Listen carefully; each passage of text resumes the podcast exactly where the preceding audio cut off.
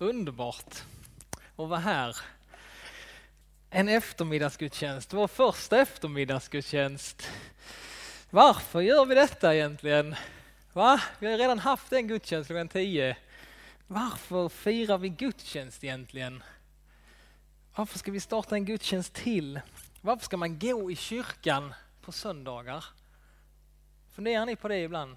Varför? För mig är detta varför väldigt viktigt. Alltså. Varför gör jag saker? Jag är i alla fall en person som jag vill inte bara göra saker för att jag alltid har gjort det eller för att man har alltid gjort det. För mig är det viktigt att ställa mig de här frågorna. Varför? Och får jag inget bra svar på det så är det lätt för mig att tappa intresset för saker. Engagemanget avtar.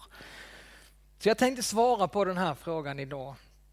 Varför detta med att fira gudstjänst varje söndag? Varför är det så otroligt viktigt för oss kristna? Jag tycker, min position är, och det kan vara bra att veta om man är med i den här församlingen, jag tycker att en kristen ska fira gudstjänst varje söndag. Alltså det är den minsta formen av kristet liv, tänker jag. Att en kristen ska fira gudstjänst varje söndag.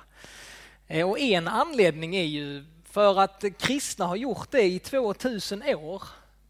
Så har kristna samlats på söndagen. Det var söndagen som vår Herre Jesus Kristus uppstod. Och därför så har kristna samlats i 2000 år. Olika former, olika platser, men man har samlats för att få tillbe, för att tacka Gud för vad han har gjort för oss. Det har varit en, ett firande. Så bara detta är ju liksom en anledning att gå till gudstjänst. Men jag måste erkänna, det här det räcker inte för mig att människor har gjort det. det, det visst, det kan räcka för vissa, men jag tror inte, nej det hade inte räckt för mig. Är det bara därför vi firar gudstjänst, för att man har gjort det i alla tider? Man kan svara, jo men det är för att kristna gjort det i alla tider. Nej, nej jag behöver mer än så. Jag behöver liksom det behöver ta tag mer i mig. Ett annat svar man kan ge, varför går jag i kyrkan, varför går jag dit? Ja, men det är för att det, att det ger mig någonting. Det känns bra här inne på något sätt. Jag berörs av lovsången, av bönerna, predikan, av gudstjänsten. Ja, det svaret det håller inte heller i längden, har jag upplevt.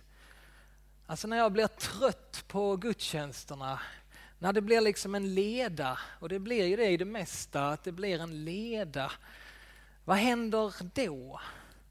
När jag är trött på formerna och på uttrycken. När jag känner att det inte ger mig något längre. Och så har jag upptäckt att jag kan ju få lyssna till bättre predikningar genom några podcast som jag har hittat på nätet. Alltså jag kan lyssna på bättre predikningar hemma än vad jag kan göra här. Känns ju dumt för mig då att ställa in med jag. Men jag kan säga det till er. Absolut, ni kan hitta bättre predikningar än att lyssna på mig på nätet. Det finns hur många som helst. Jag kan tipsa er om många bättre predikanter. Alltså man kan sitta där hemma och lyssna. Eh, och jag kan till och med följa med live i gudstjänster från Stockholm från USA, från hela världen. Jag kan sitta, jag behöver inte klä på mig, utan jag kan ligga i sängen och följa med och fira gudstjänst där. Om jag går till kyrkan bara för att jag ska få ut någonting av det, liksom, bara för att det ska beröra mig, ja då kommer jag tröttna också på det till slut. Jag tror att du och jag, att vi har en alldeles för liten bild av vad det innebär att fira gudstjänst varje söndag. Och vad det innebär att vara en församling. Det är det jag tänker prata om idag. Vår kultur, vårt samhälle, det är ett konsumtionssamhälle vi lever i. Vi är präglade av detta. Vi är hela tiden ute efter att få bli underhållna frågar oss var, vad får jag ut av detta? Vad kan jag få ut liksom max av mina upplevelser? Var kan jag få skratta? Med detta tänkandet så kommer vi också in till församlingen, till kyrkan. Vi, vi vill bli underhållna. är det inte kul längre så kan vi byta kyrka, vi kan byta sammanhang. Man kan byta ifrån Netflix till Viaplay och sen kan man byta. Så som vi gör i allt annat så kan vi också handskas med kyrkan. Jag tror vi har en för liten bild av vad det innebär att fira gudstjänst, att vara församling. Och jag tänker själv att den bild, om man ska få en rätt bild av vad det innebär att vara församling och att bygga kyrka, då kan vi bara få den på ett ställe. Och det är genom att gå till Guds ord, att få läsa vad det står där. Att få läsa i Apostlagärningarna och i Paulus brev om hur den första församlingen gestaltades. I Nya Testamentet i Apostlagärningarna. Vår identitet som kristna, vår identitet som församling, den hittar vi där, när vi går tillbaka till de texterna. Där kan vi liksom få upptäcka vad det är att vara kyrka och vara församling.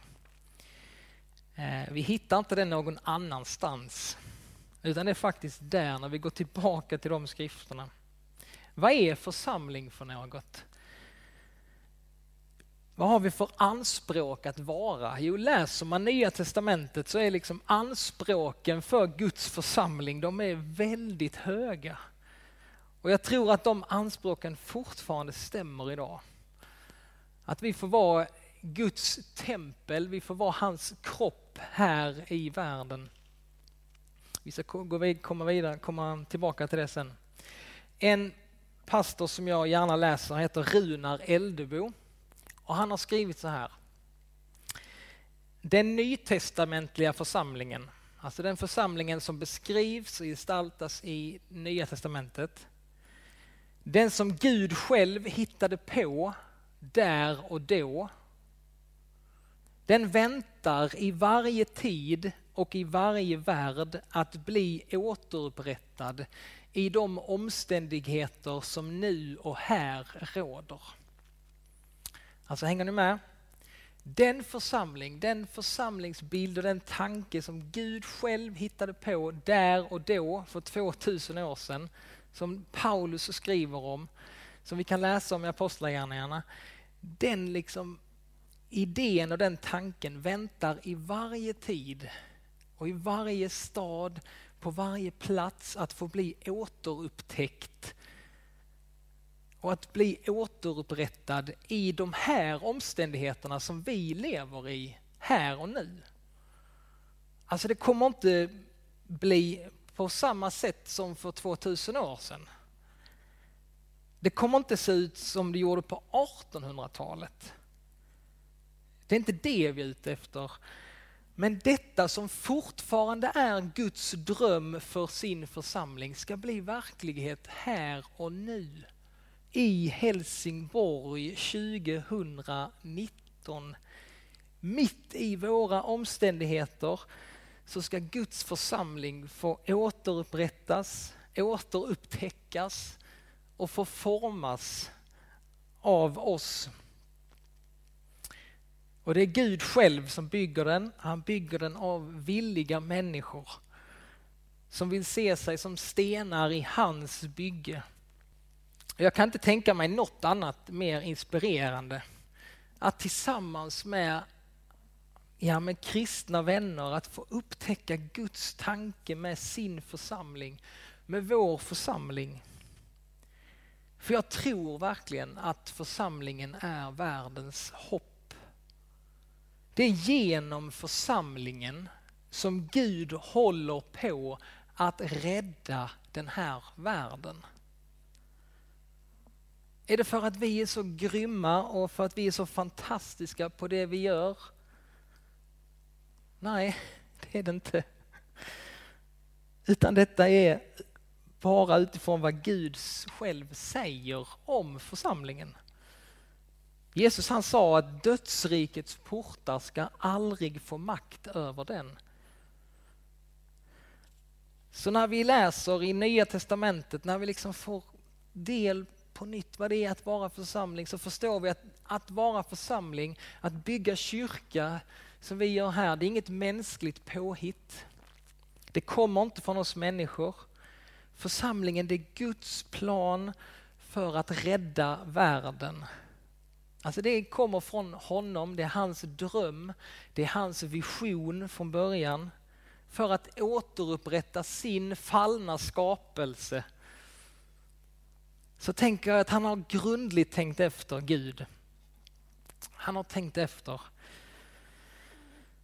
Han tänkte säkert, hur ska människors liv kunna bli förvandlade?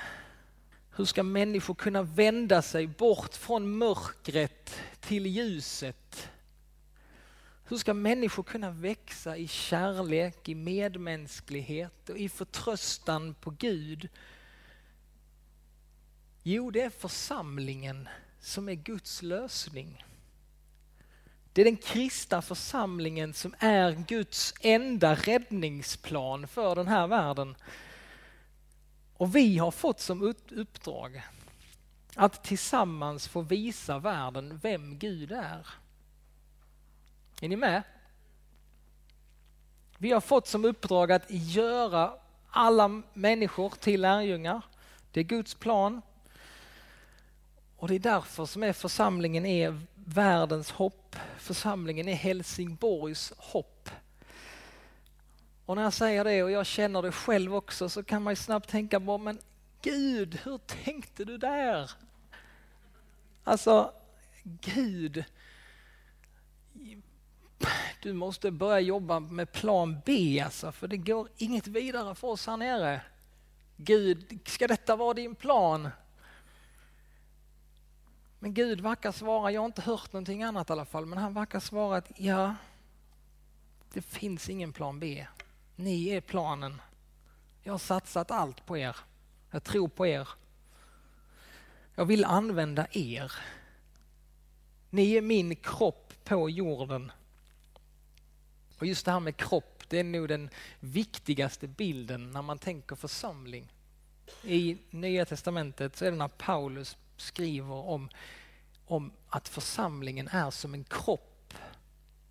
Lyssna på detta nu. Det är rätt fantastiskt. När Paulus beskriver församlingen så skriver han så här. Till liksom kroppen, ni kan ju tänka min kropp, va? jag har en kropp här. Till liksom kroppen är en och har många delar, alla de många kroppsdelarna bildar en enda kropp, så är det också med Kristus. Med en och samma ande har vi alla döpts att höra till en och samma kropp. Vare sig vi är judar eller greker, slavar eller fria, alla har vi fått en och samma ande att dricka. Kroppen, alltså församlingen, består inte av en enda del utan av många. Om foten säger jag är ingen hand, jag hör inte till kroppen, så hör den ju lika fullt i kroppen. Om örat säger jag har inget öga, jag hör inte till kroppen, så hör det lika fullt till kroppen. Om hela kroppen var öga, vad blev det då av hörseln? Om allt var hörsel, vad blev det då av luktsinnet? Men nu har Gud gett varje enskild del just den plats i kroppen som han ville. Om allt sammans var en enda kroppsdel, vad blev det då av kroppen?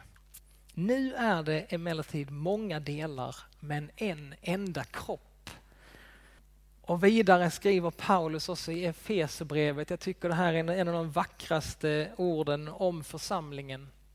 Gud själv, han är den som låter hela kroppen fogas samman och hållas ihop genom att alla lederna hjälper och stöder med just den kraft han ger åt varje särskild del. Då växer hela kroppen till och byggs upp i kärlek. Alltså Gud är han som har fört oss samman. Han är den som håller oss samman. Han är den som hjälper och stöder oss. Och vi får vara på samma sätt så får vi hjälpa och stödja varandra. Och det är så som kroppen växer. Det är så kroppen byggs upp i kärlek. Så genom tron på Jesus Kristus så har vi fått en stor familj. Och i en familj så gäller det att ta ansvar. Vi är syskon genom tron på Jesus. Och då gäller det också att få ta hand om varandra. Jesus är den som har fört oss samman. Han är den som håller oss samman för att vi ska få finnas till för varandra. Och församlingen är ett tydligt vittnesbörd till det här samhället. Till Helsingborg. Jag tror ni vet det, ni känner till. Helsingborg är en uppdelad stad. De rika bor där. De mindre rika bor där. Den typen av människor bor där och den typen av människor bor där. Eh, det är en uppdelad stad. Vi umgås med de som är som vi och vi umgås väldigt få av oss liksom som lyckas gå över gränser. Men då är församlingen tänkt att få vara annorlunda. Mitt i den här uppdelade staden som Helsingborg är så är vi då tänkt att få vara ett vittnesbörd till den här staden Helsingborg så att människor frågar sig hur kan de ha en sån fin gemenskap i EFS i Helsingborg? De är ju så olika varandra. Det är gamla, det är unga. Och ah, de har ju inget gemensamt liksom. Hur kan de ha en sån fin gemenskap där? När de är så olika. Och denna gemenskapen som församlingen är tänkt att vara, som ska gå över gränser som vi människor sätter upp. Jag tror att det blir det starkaste vittnesbördet för den här världen. Om vem Gud är. Denna gemenskapen som Gud vill skapa blir ett starkare vittnesbörd för människor än om man har häftig lovsång eller blinkande lampor. Till liksom vi har en enda kropp med många lemmar, alla med olika uppgifter, så utgör vi, fast många, en enda kropp i Kristus. Men var för sig är vi lemmar som är till för varandra. Okej, okay? vi är alltså, alla är vi olika delar av kroppen, men vi finns till för varandra. Så i Nya Testamentet och det som Paulus skriver, det är så tydligt alltså. Alla har en uppgift om den här kroppen ska kunna fungera överhuvudtaget. Vi har olika uppgifter, men alla behöver en uppgift för att kroppen ska få växa i kärlek. Så vi behöver alla vara med och bygga den här kroppen. Det borde ju vara vårt givna svar när någon frågar vad är det ni gör där egentligen i kyrkan? Jag är med. Jag är med och bygger en gemenskap. Ni har kanske hört den här berättelsen om de två stenhuggarna.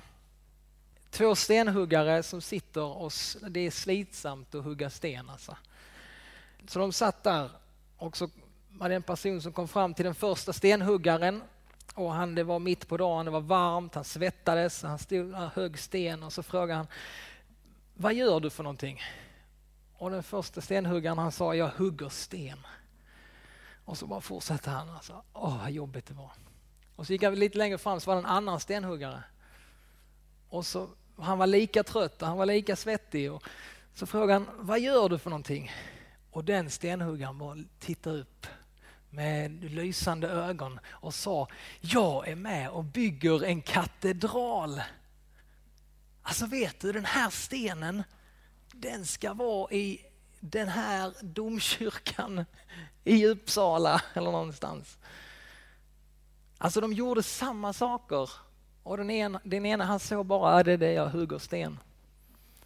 Och den andra såg att jag är med med min sten så får jag vara med och rädda den här världen.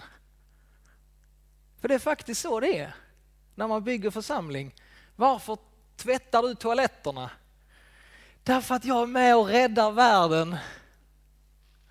Varför kokar du kaffe här på söndagarna? Därför jag är med i en rörelse, vi håller på att rädda den här världen. Vi är Guds räddningsplan för sin skapelse.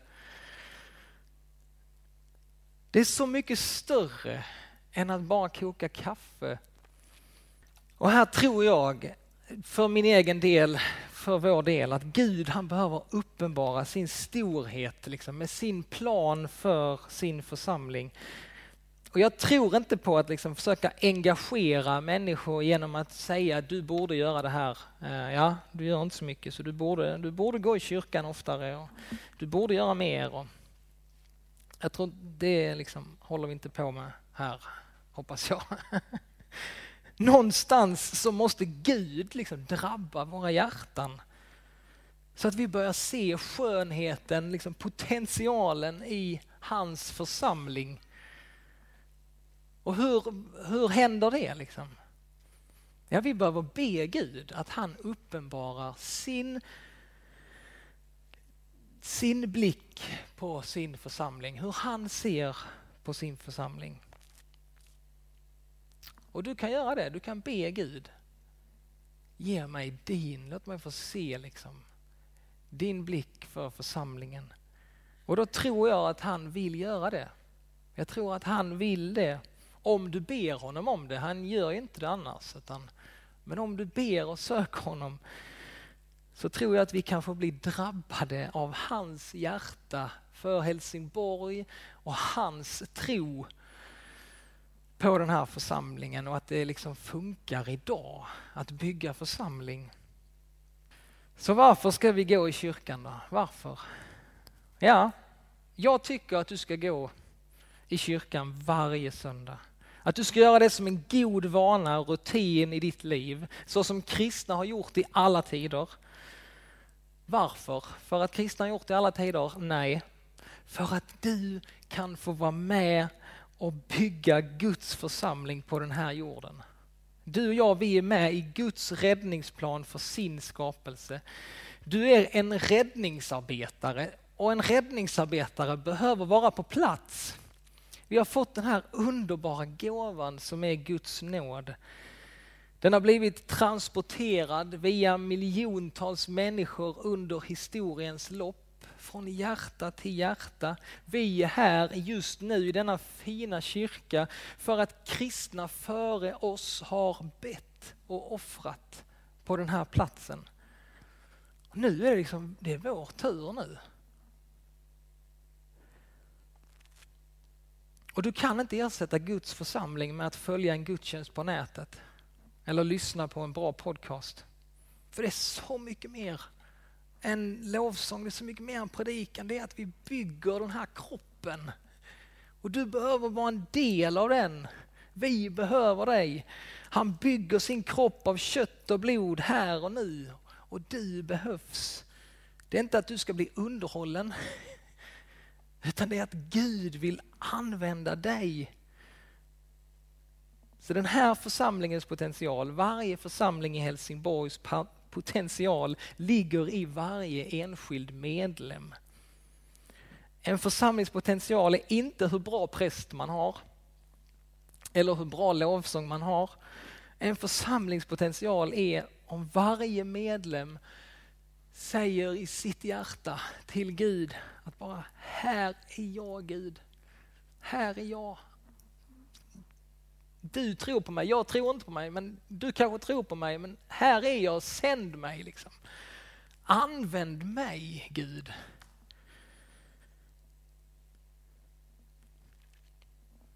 Det är vår tur nu att få upptäcka Guds stora plan med sin församling i Helsingborg, årsmodell 2019, mitt i den här staden. Du är välkommen med. Vi ber tillsammans. Herre, vi vill ta emot Herre från dig. Jag vill att du talar till oss Herre, att du ger oss din bild Herre av vad din församling är. Hur din församling kan se ut i vår tid, i vår stad, i Helsingborg, Herre. Hur det kan få bli en gemenskap så att människor säger se hur de älskar varandra.